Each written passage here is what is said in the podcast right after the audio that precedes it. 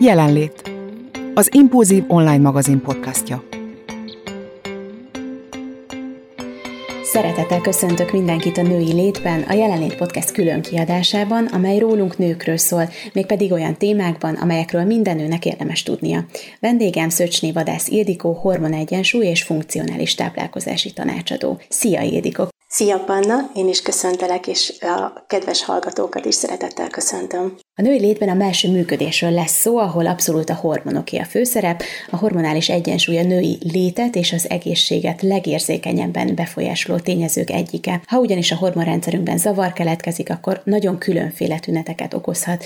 Ilyen lehet hangulatingadozás, a fájdalmas menstruáció, a bőrön megjelenő aknék, hajhullás és még számtalan más tünet utalhat arra, hogy a hormonjaink működésében zavar keletkezett, a mai adásban fény derül arra, hogy hogyan változnak napról napra a hormonjaink, és ez milyen hatást gyakorol a mindennapjainkra, illetve szakértőnkkel beszélgetünk a női problémák hormonális hátterének természetes megközelítéséről is, hiszen ennek a tudásnak a birtokában újra szinkronba kerülhetünk a hormonjainkkal. Podcastünk működését ismét a Podcast Pioneers, a Vodafone sokszínű tartalmakat népszerűsítő programja támogatta. Na hát ilyen hosszú bevezető után egy előrevetítem azt, hogy egy borzasztó érdekes podcast adás előtt állunk. Ildikóval volt szerencsém már konzultálni, és egy akkora élmény volt, hogy szerettem volna, hogyha, hogyha erről beszélgetünk itt a női létben, és megosztjuk azt a tudást, ami a hormonjainkkal kapcsolatban nagyon fontos, hogy tudjunk. És mielőtt elkezdünk erről beszélgetni, az érdekelne, hogy milyen belső motiváció volt, ami elindított téged ezen az úton. Saját érintettség kapcsán indultam el ezen az úton,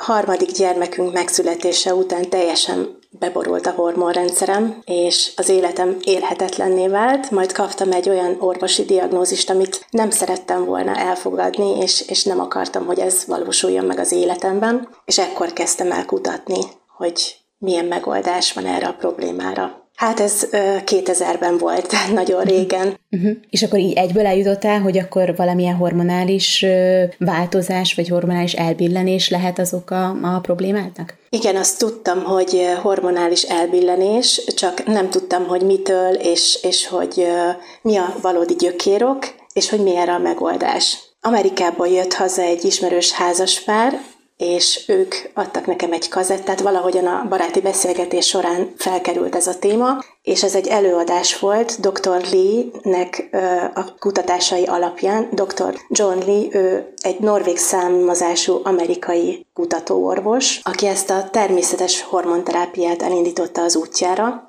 és az ő kutatásai alapján készült ez a hangfelvétel, hát gondolhatjátok milyen régen, hogyha ha még kazettán volt, uh-huh. és ez, ez adta meg az első löketet, majd utána rácuppantam dr. Lee-nek a honlapjára, és azt olvastam éjjel-nappal, aztán sikerült megtalálnia a problémámnak a gyökerét, majd a megoldást is. És akkor fogalmazódott meg bennem, miután magamon tudtam segíteni, hogy mindenképpen ezt szeretném csinálni valamikor a jövőben, és hogy hogy segítsek másokon. Én is egy reménytelen állapotban voltam, és hogy ebből a reménytelenségből igenis van kiút. Erről a reménytelen állapotról lehet beszélni, vagy erről nem szeretnél? Hát ahogy említettem, hogy teljesen élhetetlenné vált az életem. Ugye a hormonunk, hormonjaink mindenre kihatással és befolyással vannak. Tehát ahogy te is említetted a vezetőben, a, a hangulatunktól kezdve mindenféle testműködésünkre. És, és már depressziónak a, a kapujáig is úgy gondolom, hogy eljutottam. Már azt fontolgattam, hogy hűha, itt lehet, hogy szakemberhez kell fordulnom. De igazából minden megoldódott. Minden megoldódott természetes módszerrel, azért ezt hozzá kell Igen, tenni. igen, igen, igen, teljesen természetes módszerrel. Akkor szerintem vágjunk is bele a női hormonrendszerbe, mert hogy annyi kérdés merült fel, és szerintem annyi mindenről fontos, hogy beszéljünk. Szerintem ott érdemes talán kezdeni, hogy melyek azok a főbb hormonok, amelyek a női egészség szempontjából fontosak, és fontos, hogy tudjunk róla. Kettő hormont emernék ki, az ösztrogént és a progeszteront. Az ösztrogént azt a női hormonok királynőjének is nevezhetjük, mivel felelős másodlagos női jegyekért, neki köszönhetjük a nőies idomainkat, aztán az első menstruációt, életünk első menstruációját, a menárkét, aztán, hogyha babát szeretnénk, akkor az ösztrogén készíti fel a méhünket, a megtermékenyített petesejt befogadására. Igazából nem lenne nélküle élet. A másik a progeszteron, bár nem felelős másodlagos női jegyekért, de mégis a női egészségünk kulcsa az ő kezében van.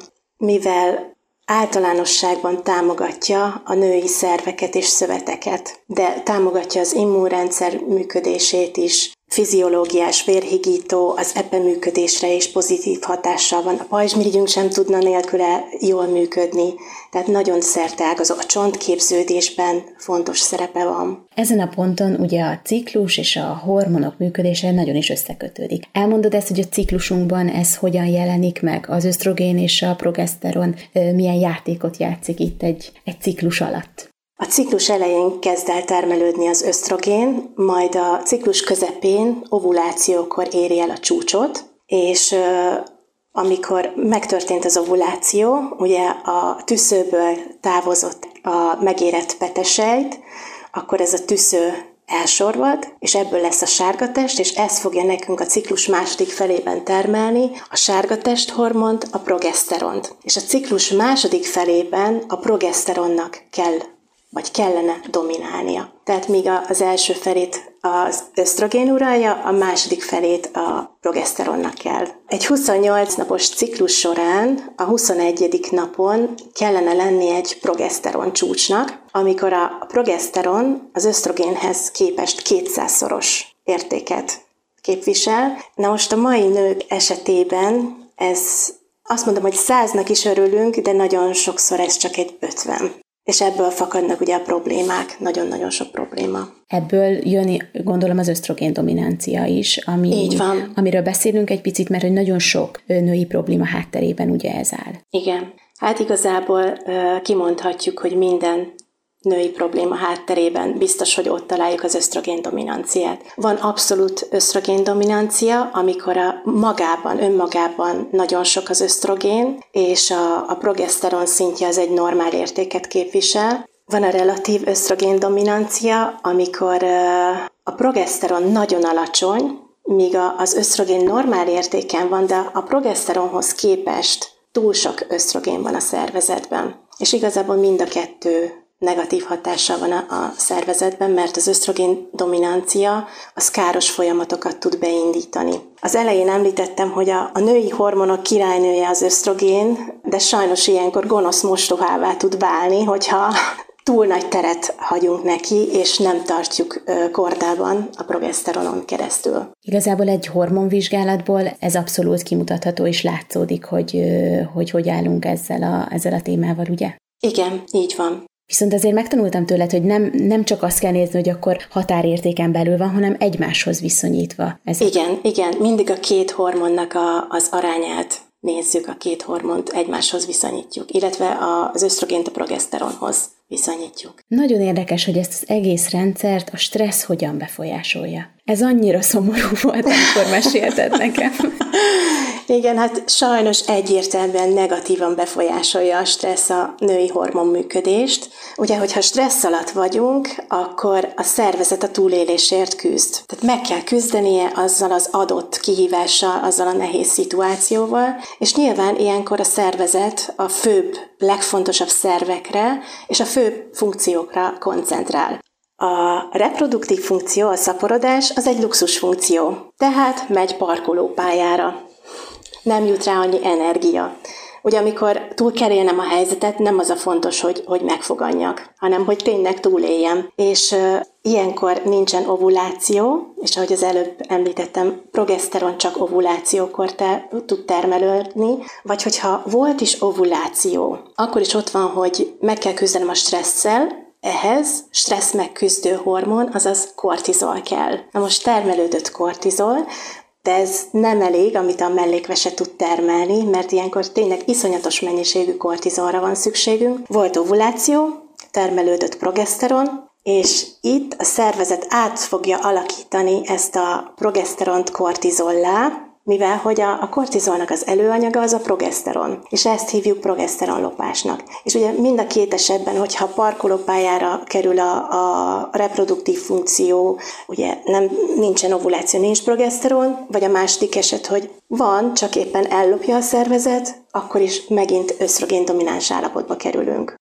Ezért kell annyit foglalkozni a stresszel, hogy jól meg tudjunk küzdeni vele, mert hogy abszolút felborítja a női hormonháztartásunkat is. Igen, sajnos. De hogy a progeszteront azt ugye tudjuk pótolni természetes módon a szervezetünkben, sőt kell is. Igen, nagyon sok esetben kell is pótolni a progeszteront, mert hogyha nincsen ovuláció, akkor ugye nincsen progeszteronunk sem. Ezt ö, krém formájában szoktuk megtenni. Egy természetes anyagból, mexikai vagyomgyökérből vonják ki ezt a progeszteront, és ez teljesen bioidentikus. Ez azt jelenti, hogy testazonos, tehát ugyanolyan, mint amit a mi testünk termel és mivel koleszterin zsíralapú hormon, ezért meg tudják úgy csinálni, hogy bőrön jól felszívódjon, és a bőrön keresztül a véráramba kerüljön. Viszont, hogyha tabletta formájába vennénk be, az a baj, hogy a, a máj hiába természetes és hiába ugyanúgy jamgyökérbe vonják ki, lebontja, és nem hasznosul.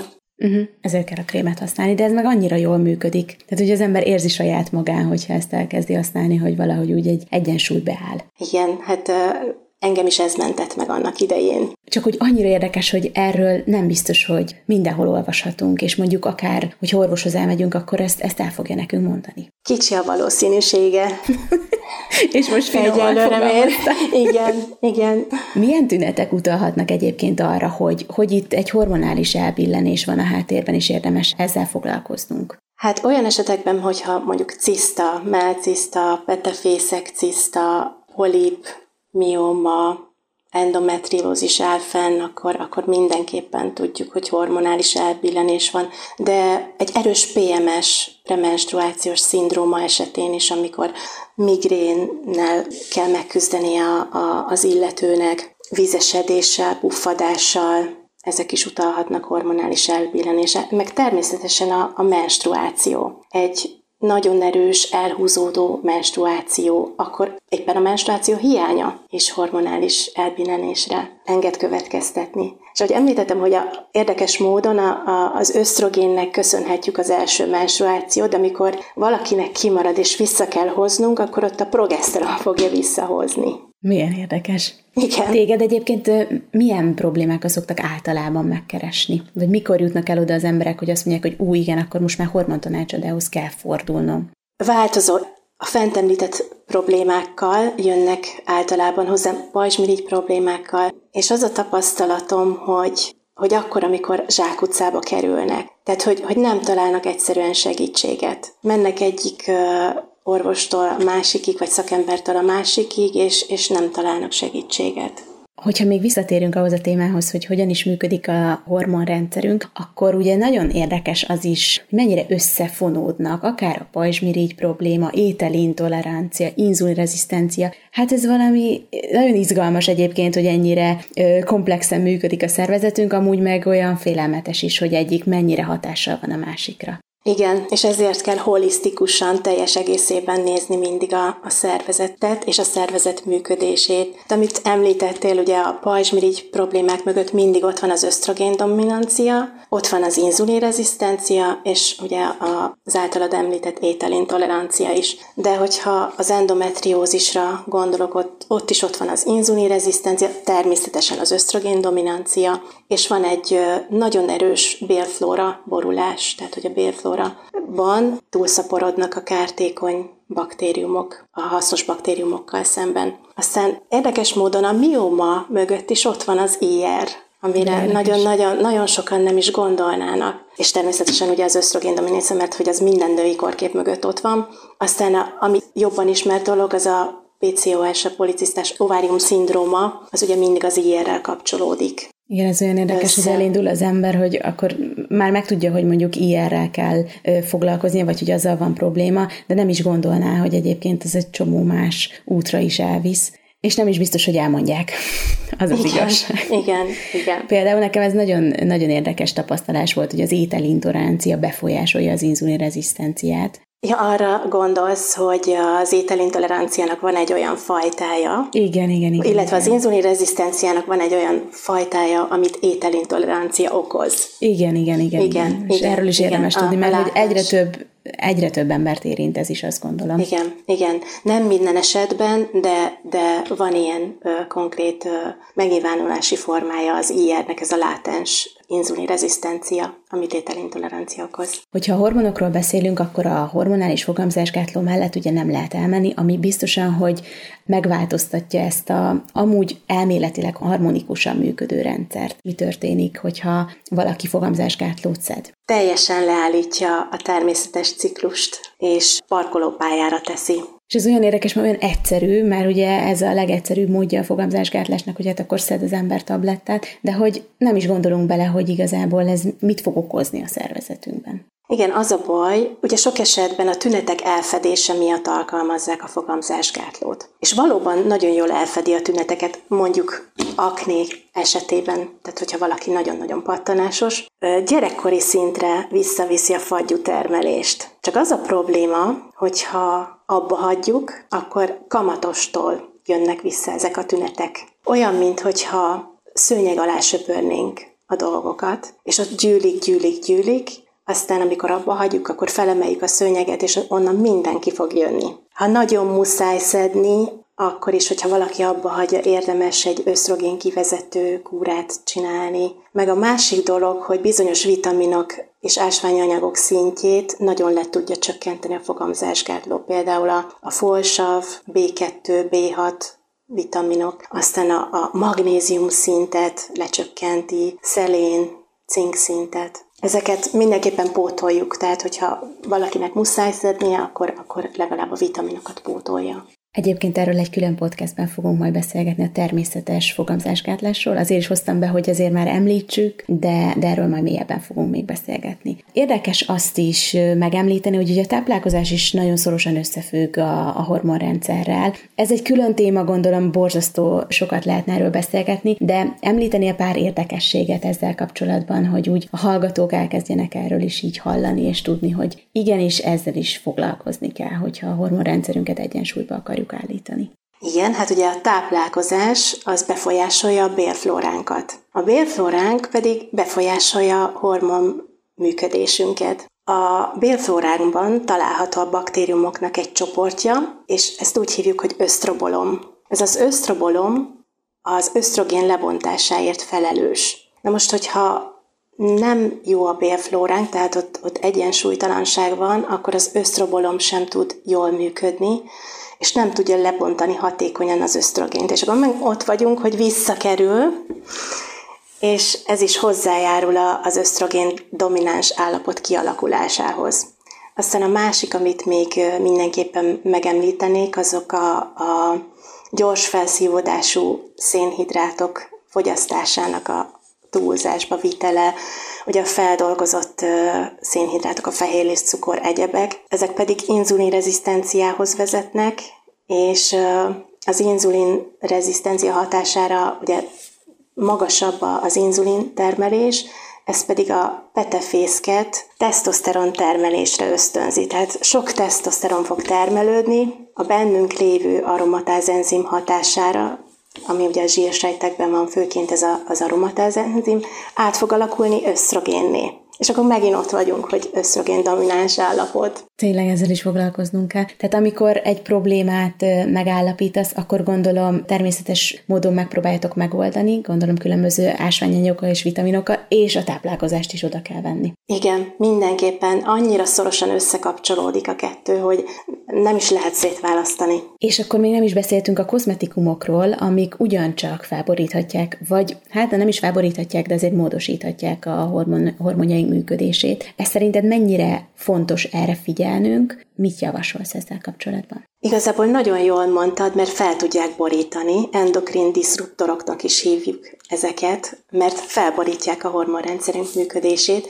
Ugye ezek főleg a xenoösztrogének, amik a ösztrogént mimikálják, leutánozzák, elfoglalják az ösztrogén receptorokat. Csak az a baj velük, hogy az ösztrogénnek a negatív hatásait produkálják, tehát nagyon-nagyon károsak, és ezek találhatók a kőolaj származékokban. Ezért nagyon fontos, hogy természetes alapú tisztítószereket, kozmetikumokat használjunk, de itt megemlíteném, hogyha műanyag edényeket használunk, akkor, akkor az is legyen BPA-mentes, mert az is ilyen endokrin diszruptor. Érdemes szűrt vizet inni, és ha szűrőt vásárolunk, akkor mindenképpen legyen olyan, ami a hormonokat is kiszűri. Mert ugye a vízben, a, a csapvízben nagyon sok ösztrogén van. Egyrészt a tisztítószerekből belekerült ösztrogén, másrészt a fogamzásgátlóból belekerült ösztrogén. Biztos mindenkiben felmerül, vagy sokakban, hogy fú, nekem ilyen tünetem van ezzel eddig, nem is foglalkoztam, azt hittem, hogy nem is kell foglalkoznom, mondjuk, hogy fájdalmas menstruációm van, és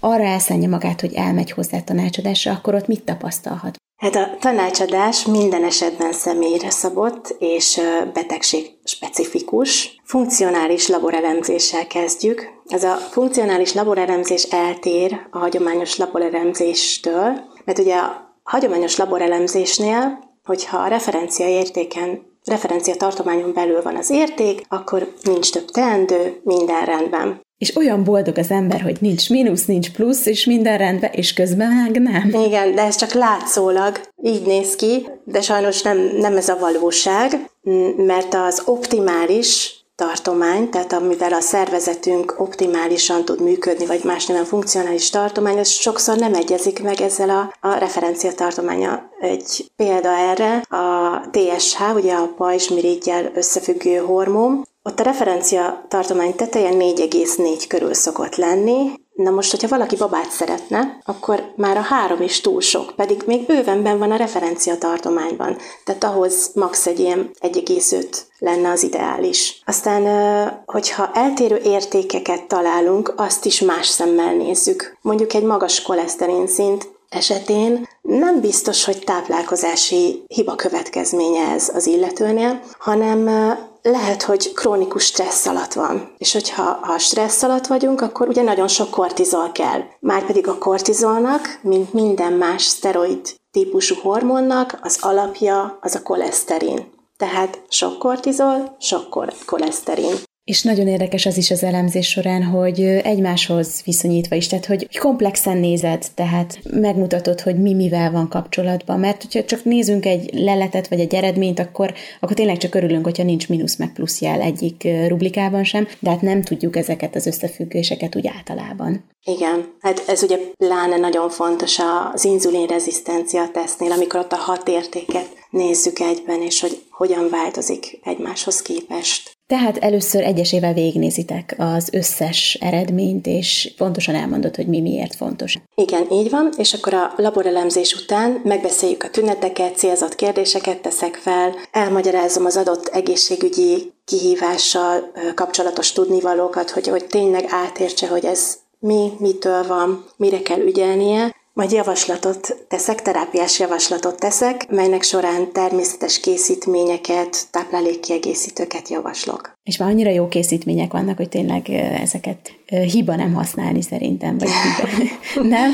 Igen, nagyon-nagyon jól mondod. Nagyon sok eszköz van a kezünkben, amivel élnünk kellene. És ugye ez a prevenció szempontjából is nagyon fontos lehet. Arról is szoktam mindig beszélni a prevencióról, mert tudom, hogy mástól nem fogja hallani ezeket az információkat. És hogyha már a kezeim közé kerül, akkor, akkor mindenképpen elmondom. Tehát egyébként úgy is el lehet menni, hogyha az embernek nincsenek nagyobb tünetei, de egyáltalán csak szeretné megismerni a, a saját testének a működését. Igen, természetesen. Ugye most főként nőkről beszélünk, hát a női létben nőkről szól, de hogy egyébként férfiakat is érinthet hormonális elváltozás, vagy olyan dolog, ami fontos, hogy foglalkozzanak vele. Ez szokott lenni egyébként, hogy férfiak is elmennek hozzád? És általában milyen tünetek esetén, vagy mi, mi szokott Hát, hát természetesen a férfiaknál is fennállhatnak hormonális problémák, mint potenciazavarok, aztán prostata problémák, inzulinrezisztencia, mellékvese kimerülés, vagy hogyha éppen ö, lombik programra készülnek fel, akkor ott ugye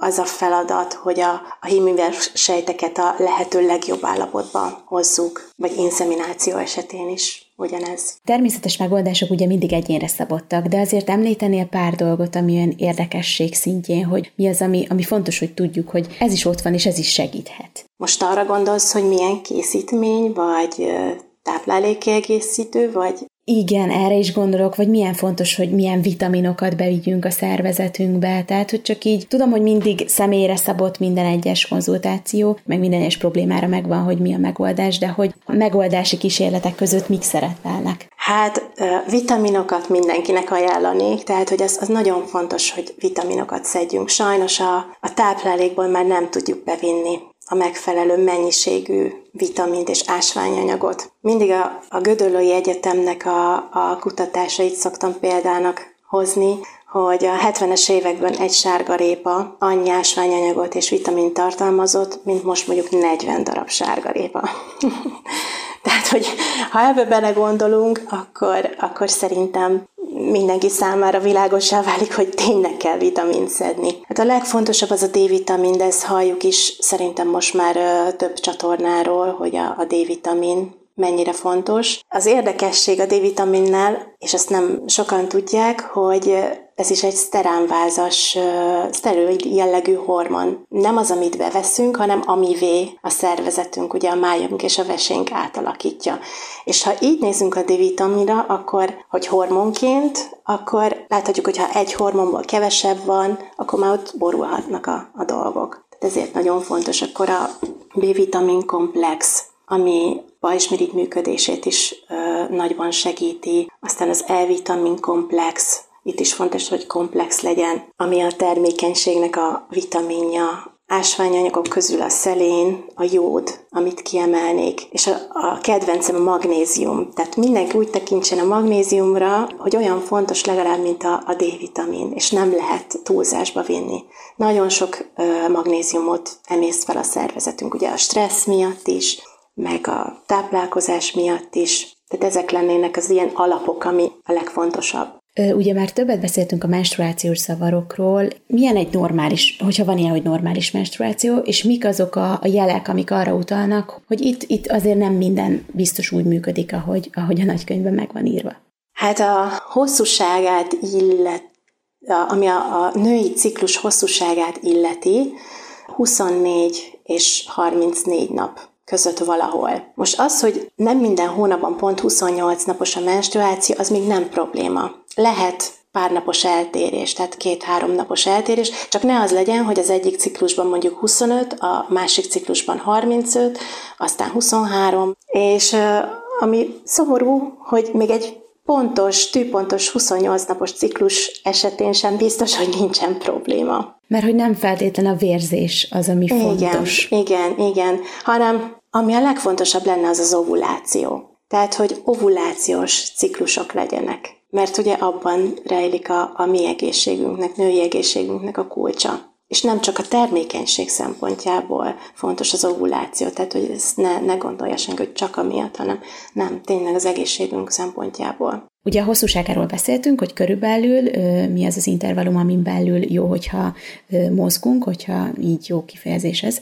Viszont mik azok a tünetek, amik nem természetesek. Tehát például ugye itt gondolok a menstruációs görcsölésre, ezek nem természetes velejárói, ugye? Egy kis kellemetlenséget okozhat, tehát hogy az teljesen természetes, de amikor már nagyon erős fájdalomcsillapítókhoz kell fordulni, az már egyáltalán nem normális dolog. Aztán a nagyon erős elhúzódó vérzés sem, pecsételő vérzés, a menstruáció előtt egy két nappal lehet egy pici, meg utána egy-két nappal egy pici, de ciklus közben ez nem igazán jó tünet. Olyan előfordul, hogy valaki ovuláció környékén, abban a három napban tapasztal egy icipici pecsételést, az, az belefér de hogy az ilyen problémákat is lehet természetes úton, és ezt szerintem fontos, hogy hangsúlyozzuk, hogy nem feltétlen, sőt, biztos, hogy nem a fogamzásgátló fogja ezeket megoldani, mert hogy azért biztos, szeretném ezt hangsúlyozni, mert hogy én is ilyen javaslatokat kaptam először, csak én nem szerettem volna ebbe az irányba elindulni, de hogy ez, ez fontos hangsúlyozni, hogy nem, nem gyógyszerrel kell ezt megoldani. Nem, nem, semmiképpen nem. Ahogy említettem, azzal csak a szőnyeg alá söpörjük a problémát. Tehát a, a probléma gyökerét nem oldjuk meg. A másik, amiről szerintem fontos, hogy beszéljünk, az a menopauzás időszak. Szerintem nagyon sok nőt érint, főleg most körülöttem, hogy elkezdtem erről a témáról így beszélgetni nőkkel. Úgy érzem, hogy erről is fontos, hogy beszéljünk, és egyébként majd lesz külön podcast adás a menopauzáról, de azért érintőlegesen beszélgetünk egy picit erről. A menopauza az egy átmeneti időszak a női életben, és mint minden átmeneti időszak az életünkben, sok veszélyt rejthet magában, és nehézséget. Vagy a, amit mondanék, keresse fel a lakói helyéhez legközelebb lakó hormon egyensúly tanácsadót egy konzultációra, hogy a problémák ne forduljanak át nagyon negatív irányba. De természetesen vannak olyan készítmények, a multivitamint azt mindenkinek javasolnám, meg a, a felsorolt vitaminokat, amiket az előbb elmondtam. Hasznos lehet a barátcserje, aztán hasznos lehet például a, a maka, az ugye a hormonkiegyensúlyozó hatása van, libidó növelő hatása van. Aztán ami kevésbé ismert, az az omega-7 készítmény, ami pedig a nyálkahártya szárasság ellen hat. Ugye ebben az időszakban sok hölgy küzd nyálkahártya szárassággal, akár hüvely, akár szem szárasság, és ez nagyon-nagyon jó tud lenni rá. Az omega-3-at is megemlíteném. Na ez is egy nagyon fontos táplálékkiegészítő, amit szerintem mindenkinek szednie kellene. Egy gyulladás csökkentő anyag, és nagyon fontos. A hőhullámokat is segít csökkenteni, Hogyha már említetted a hőhullámot, azért beszéljünk arról, hogy milyen tünetek utalhatnak arra, hogy menopauzába lépett a, a hölgy, mert hogy azt veszem észre, hogy sokszor későn kapcsolnak, vagy, vagy nem gondolnak arra, hogy ez már az. Tehát, hogy mit tapasztalhatnak azok a hölgyek, akik menopauza felé lépkednek? Hát a menstruáció az át tud menni egy ilyen összevisszaságba. Akár a ciklus hosszúságát nézzük, akár a, a menstruációs napoknak a hosszúságát, aztán nagyon gyakori a pecsételővérzés ilyenkor, a hőhullámok, elkezdenek hízni ezek a hölgyek, migrének, ugye ilyenkor már nincsen ovuláció, tehát nincsen progeszteron termelődés, vizesedés, puffadás, ezek lehetnek a, a tünetei. Pillanatra itt említetted az elhízást, és alapvetően az elhízás mögött is lehet hormonális elbillenés? Mindenképpen. Erről beszéljünk, mert szerintem erről nagyon kevesen tudnak. Ösztrogén dominancia, megint itt a, az egyik ludas. Ugye az ösztrogén az köti a zsírt, és a zsírsejtek is termelnek ösztrogént. Tehát ez oda-vissza egy ördögi, igen, igen, jó lenne. ördögi kör, minél több zsír, annál több ösztrogén, és minél több ösztrogén, annál több zsír. Ugye a zsírsejtek nem ösztradiolt termelnek, az ösztrogénnek több fajtája van, hanem ösztron, de az is át tud alakulni ösztradiollá a termékeny korban termelődő ösztrogénnél. Aztán, ami a hormonokat illeti, ugye a pajzsmirigy alulműködés, ott is hormonokkal találkozunk, az is elhízáshoz vezet. Aztán a stressz. A magas kortizol szint miatt a szervezet több zsírt fog raktározni, és ráadásul ilyenkor pont az egészségtelen ételeket kívánjuk. Tehát ami, ami cukros, zsíros, chips, édesség, keksz, stb.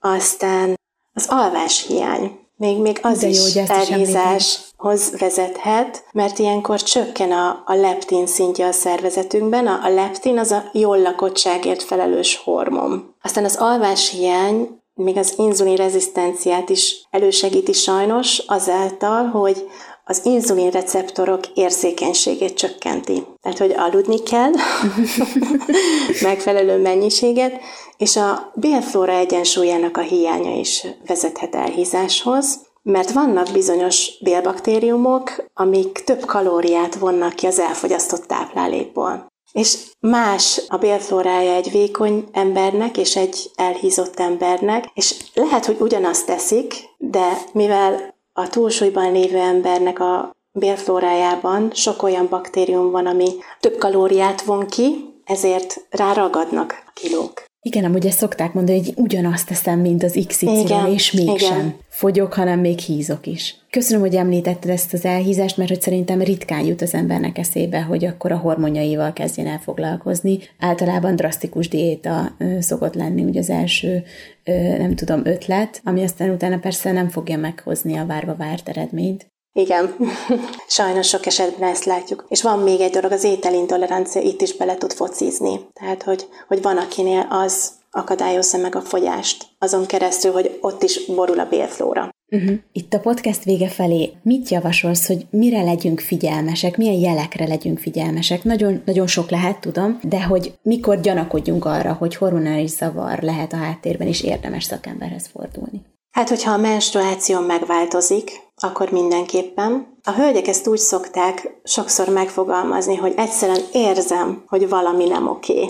Nem tudom pontosan, hogy mi az, de érzem, hogy valami nem oké. Hogyha ilyet tapasztalnak, hogy valami eltér az eddigitől, akkor, akkor érdemes lehet. Egyébként az orvosokkal együtt is szoktatok együtt dolgozni, vagy azért ennyire még nem léptünk szintet, hogy a hormontanácsadó az orvossal együtt dolgozzon? Sajnos ez nagyon-nagyon ritka. Nagyon-nagyon ritka. Van néhány orvos, aki beállt ebbe a természetes hormonterápia vonalba, de ők még nagyon kevesen vannak. Uh-huh. Mondanál egy vagy kettő olyan esetet, ami, ami számodra nagyon motiváló volt, azt érezted, hogy annyira jó, hogy végül is ebbe az irányba mentél és a hormonokkal foglalkozol, tehát ami, ami olyan szívmelengető volt, hogy de jó, segíthettem.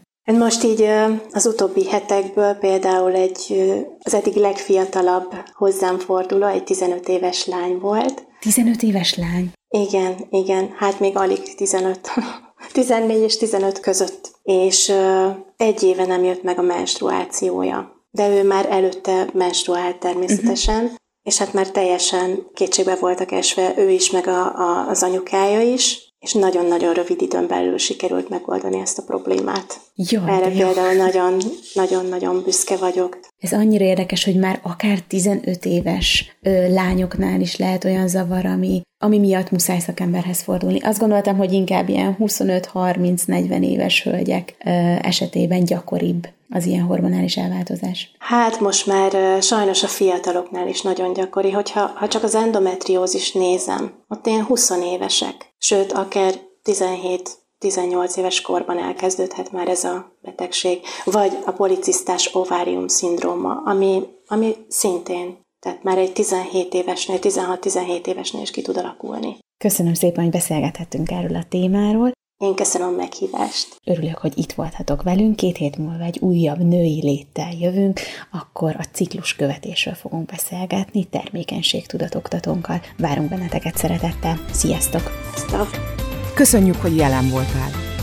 Keresd az Impulzív online magazin podcastját az ismert csatornákon, a Spotify-on, a Soundcloud-on és az Apple podcastok között, valamint az impulzívmagazin.hu weboldalon. Tarts velünk legközelebb!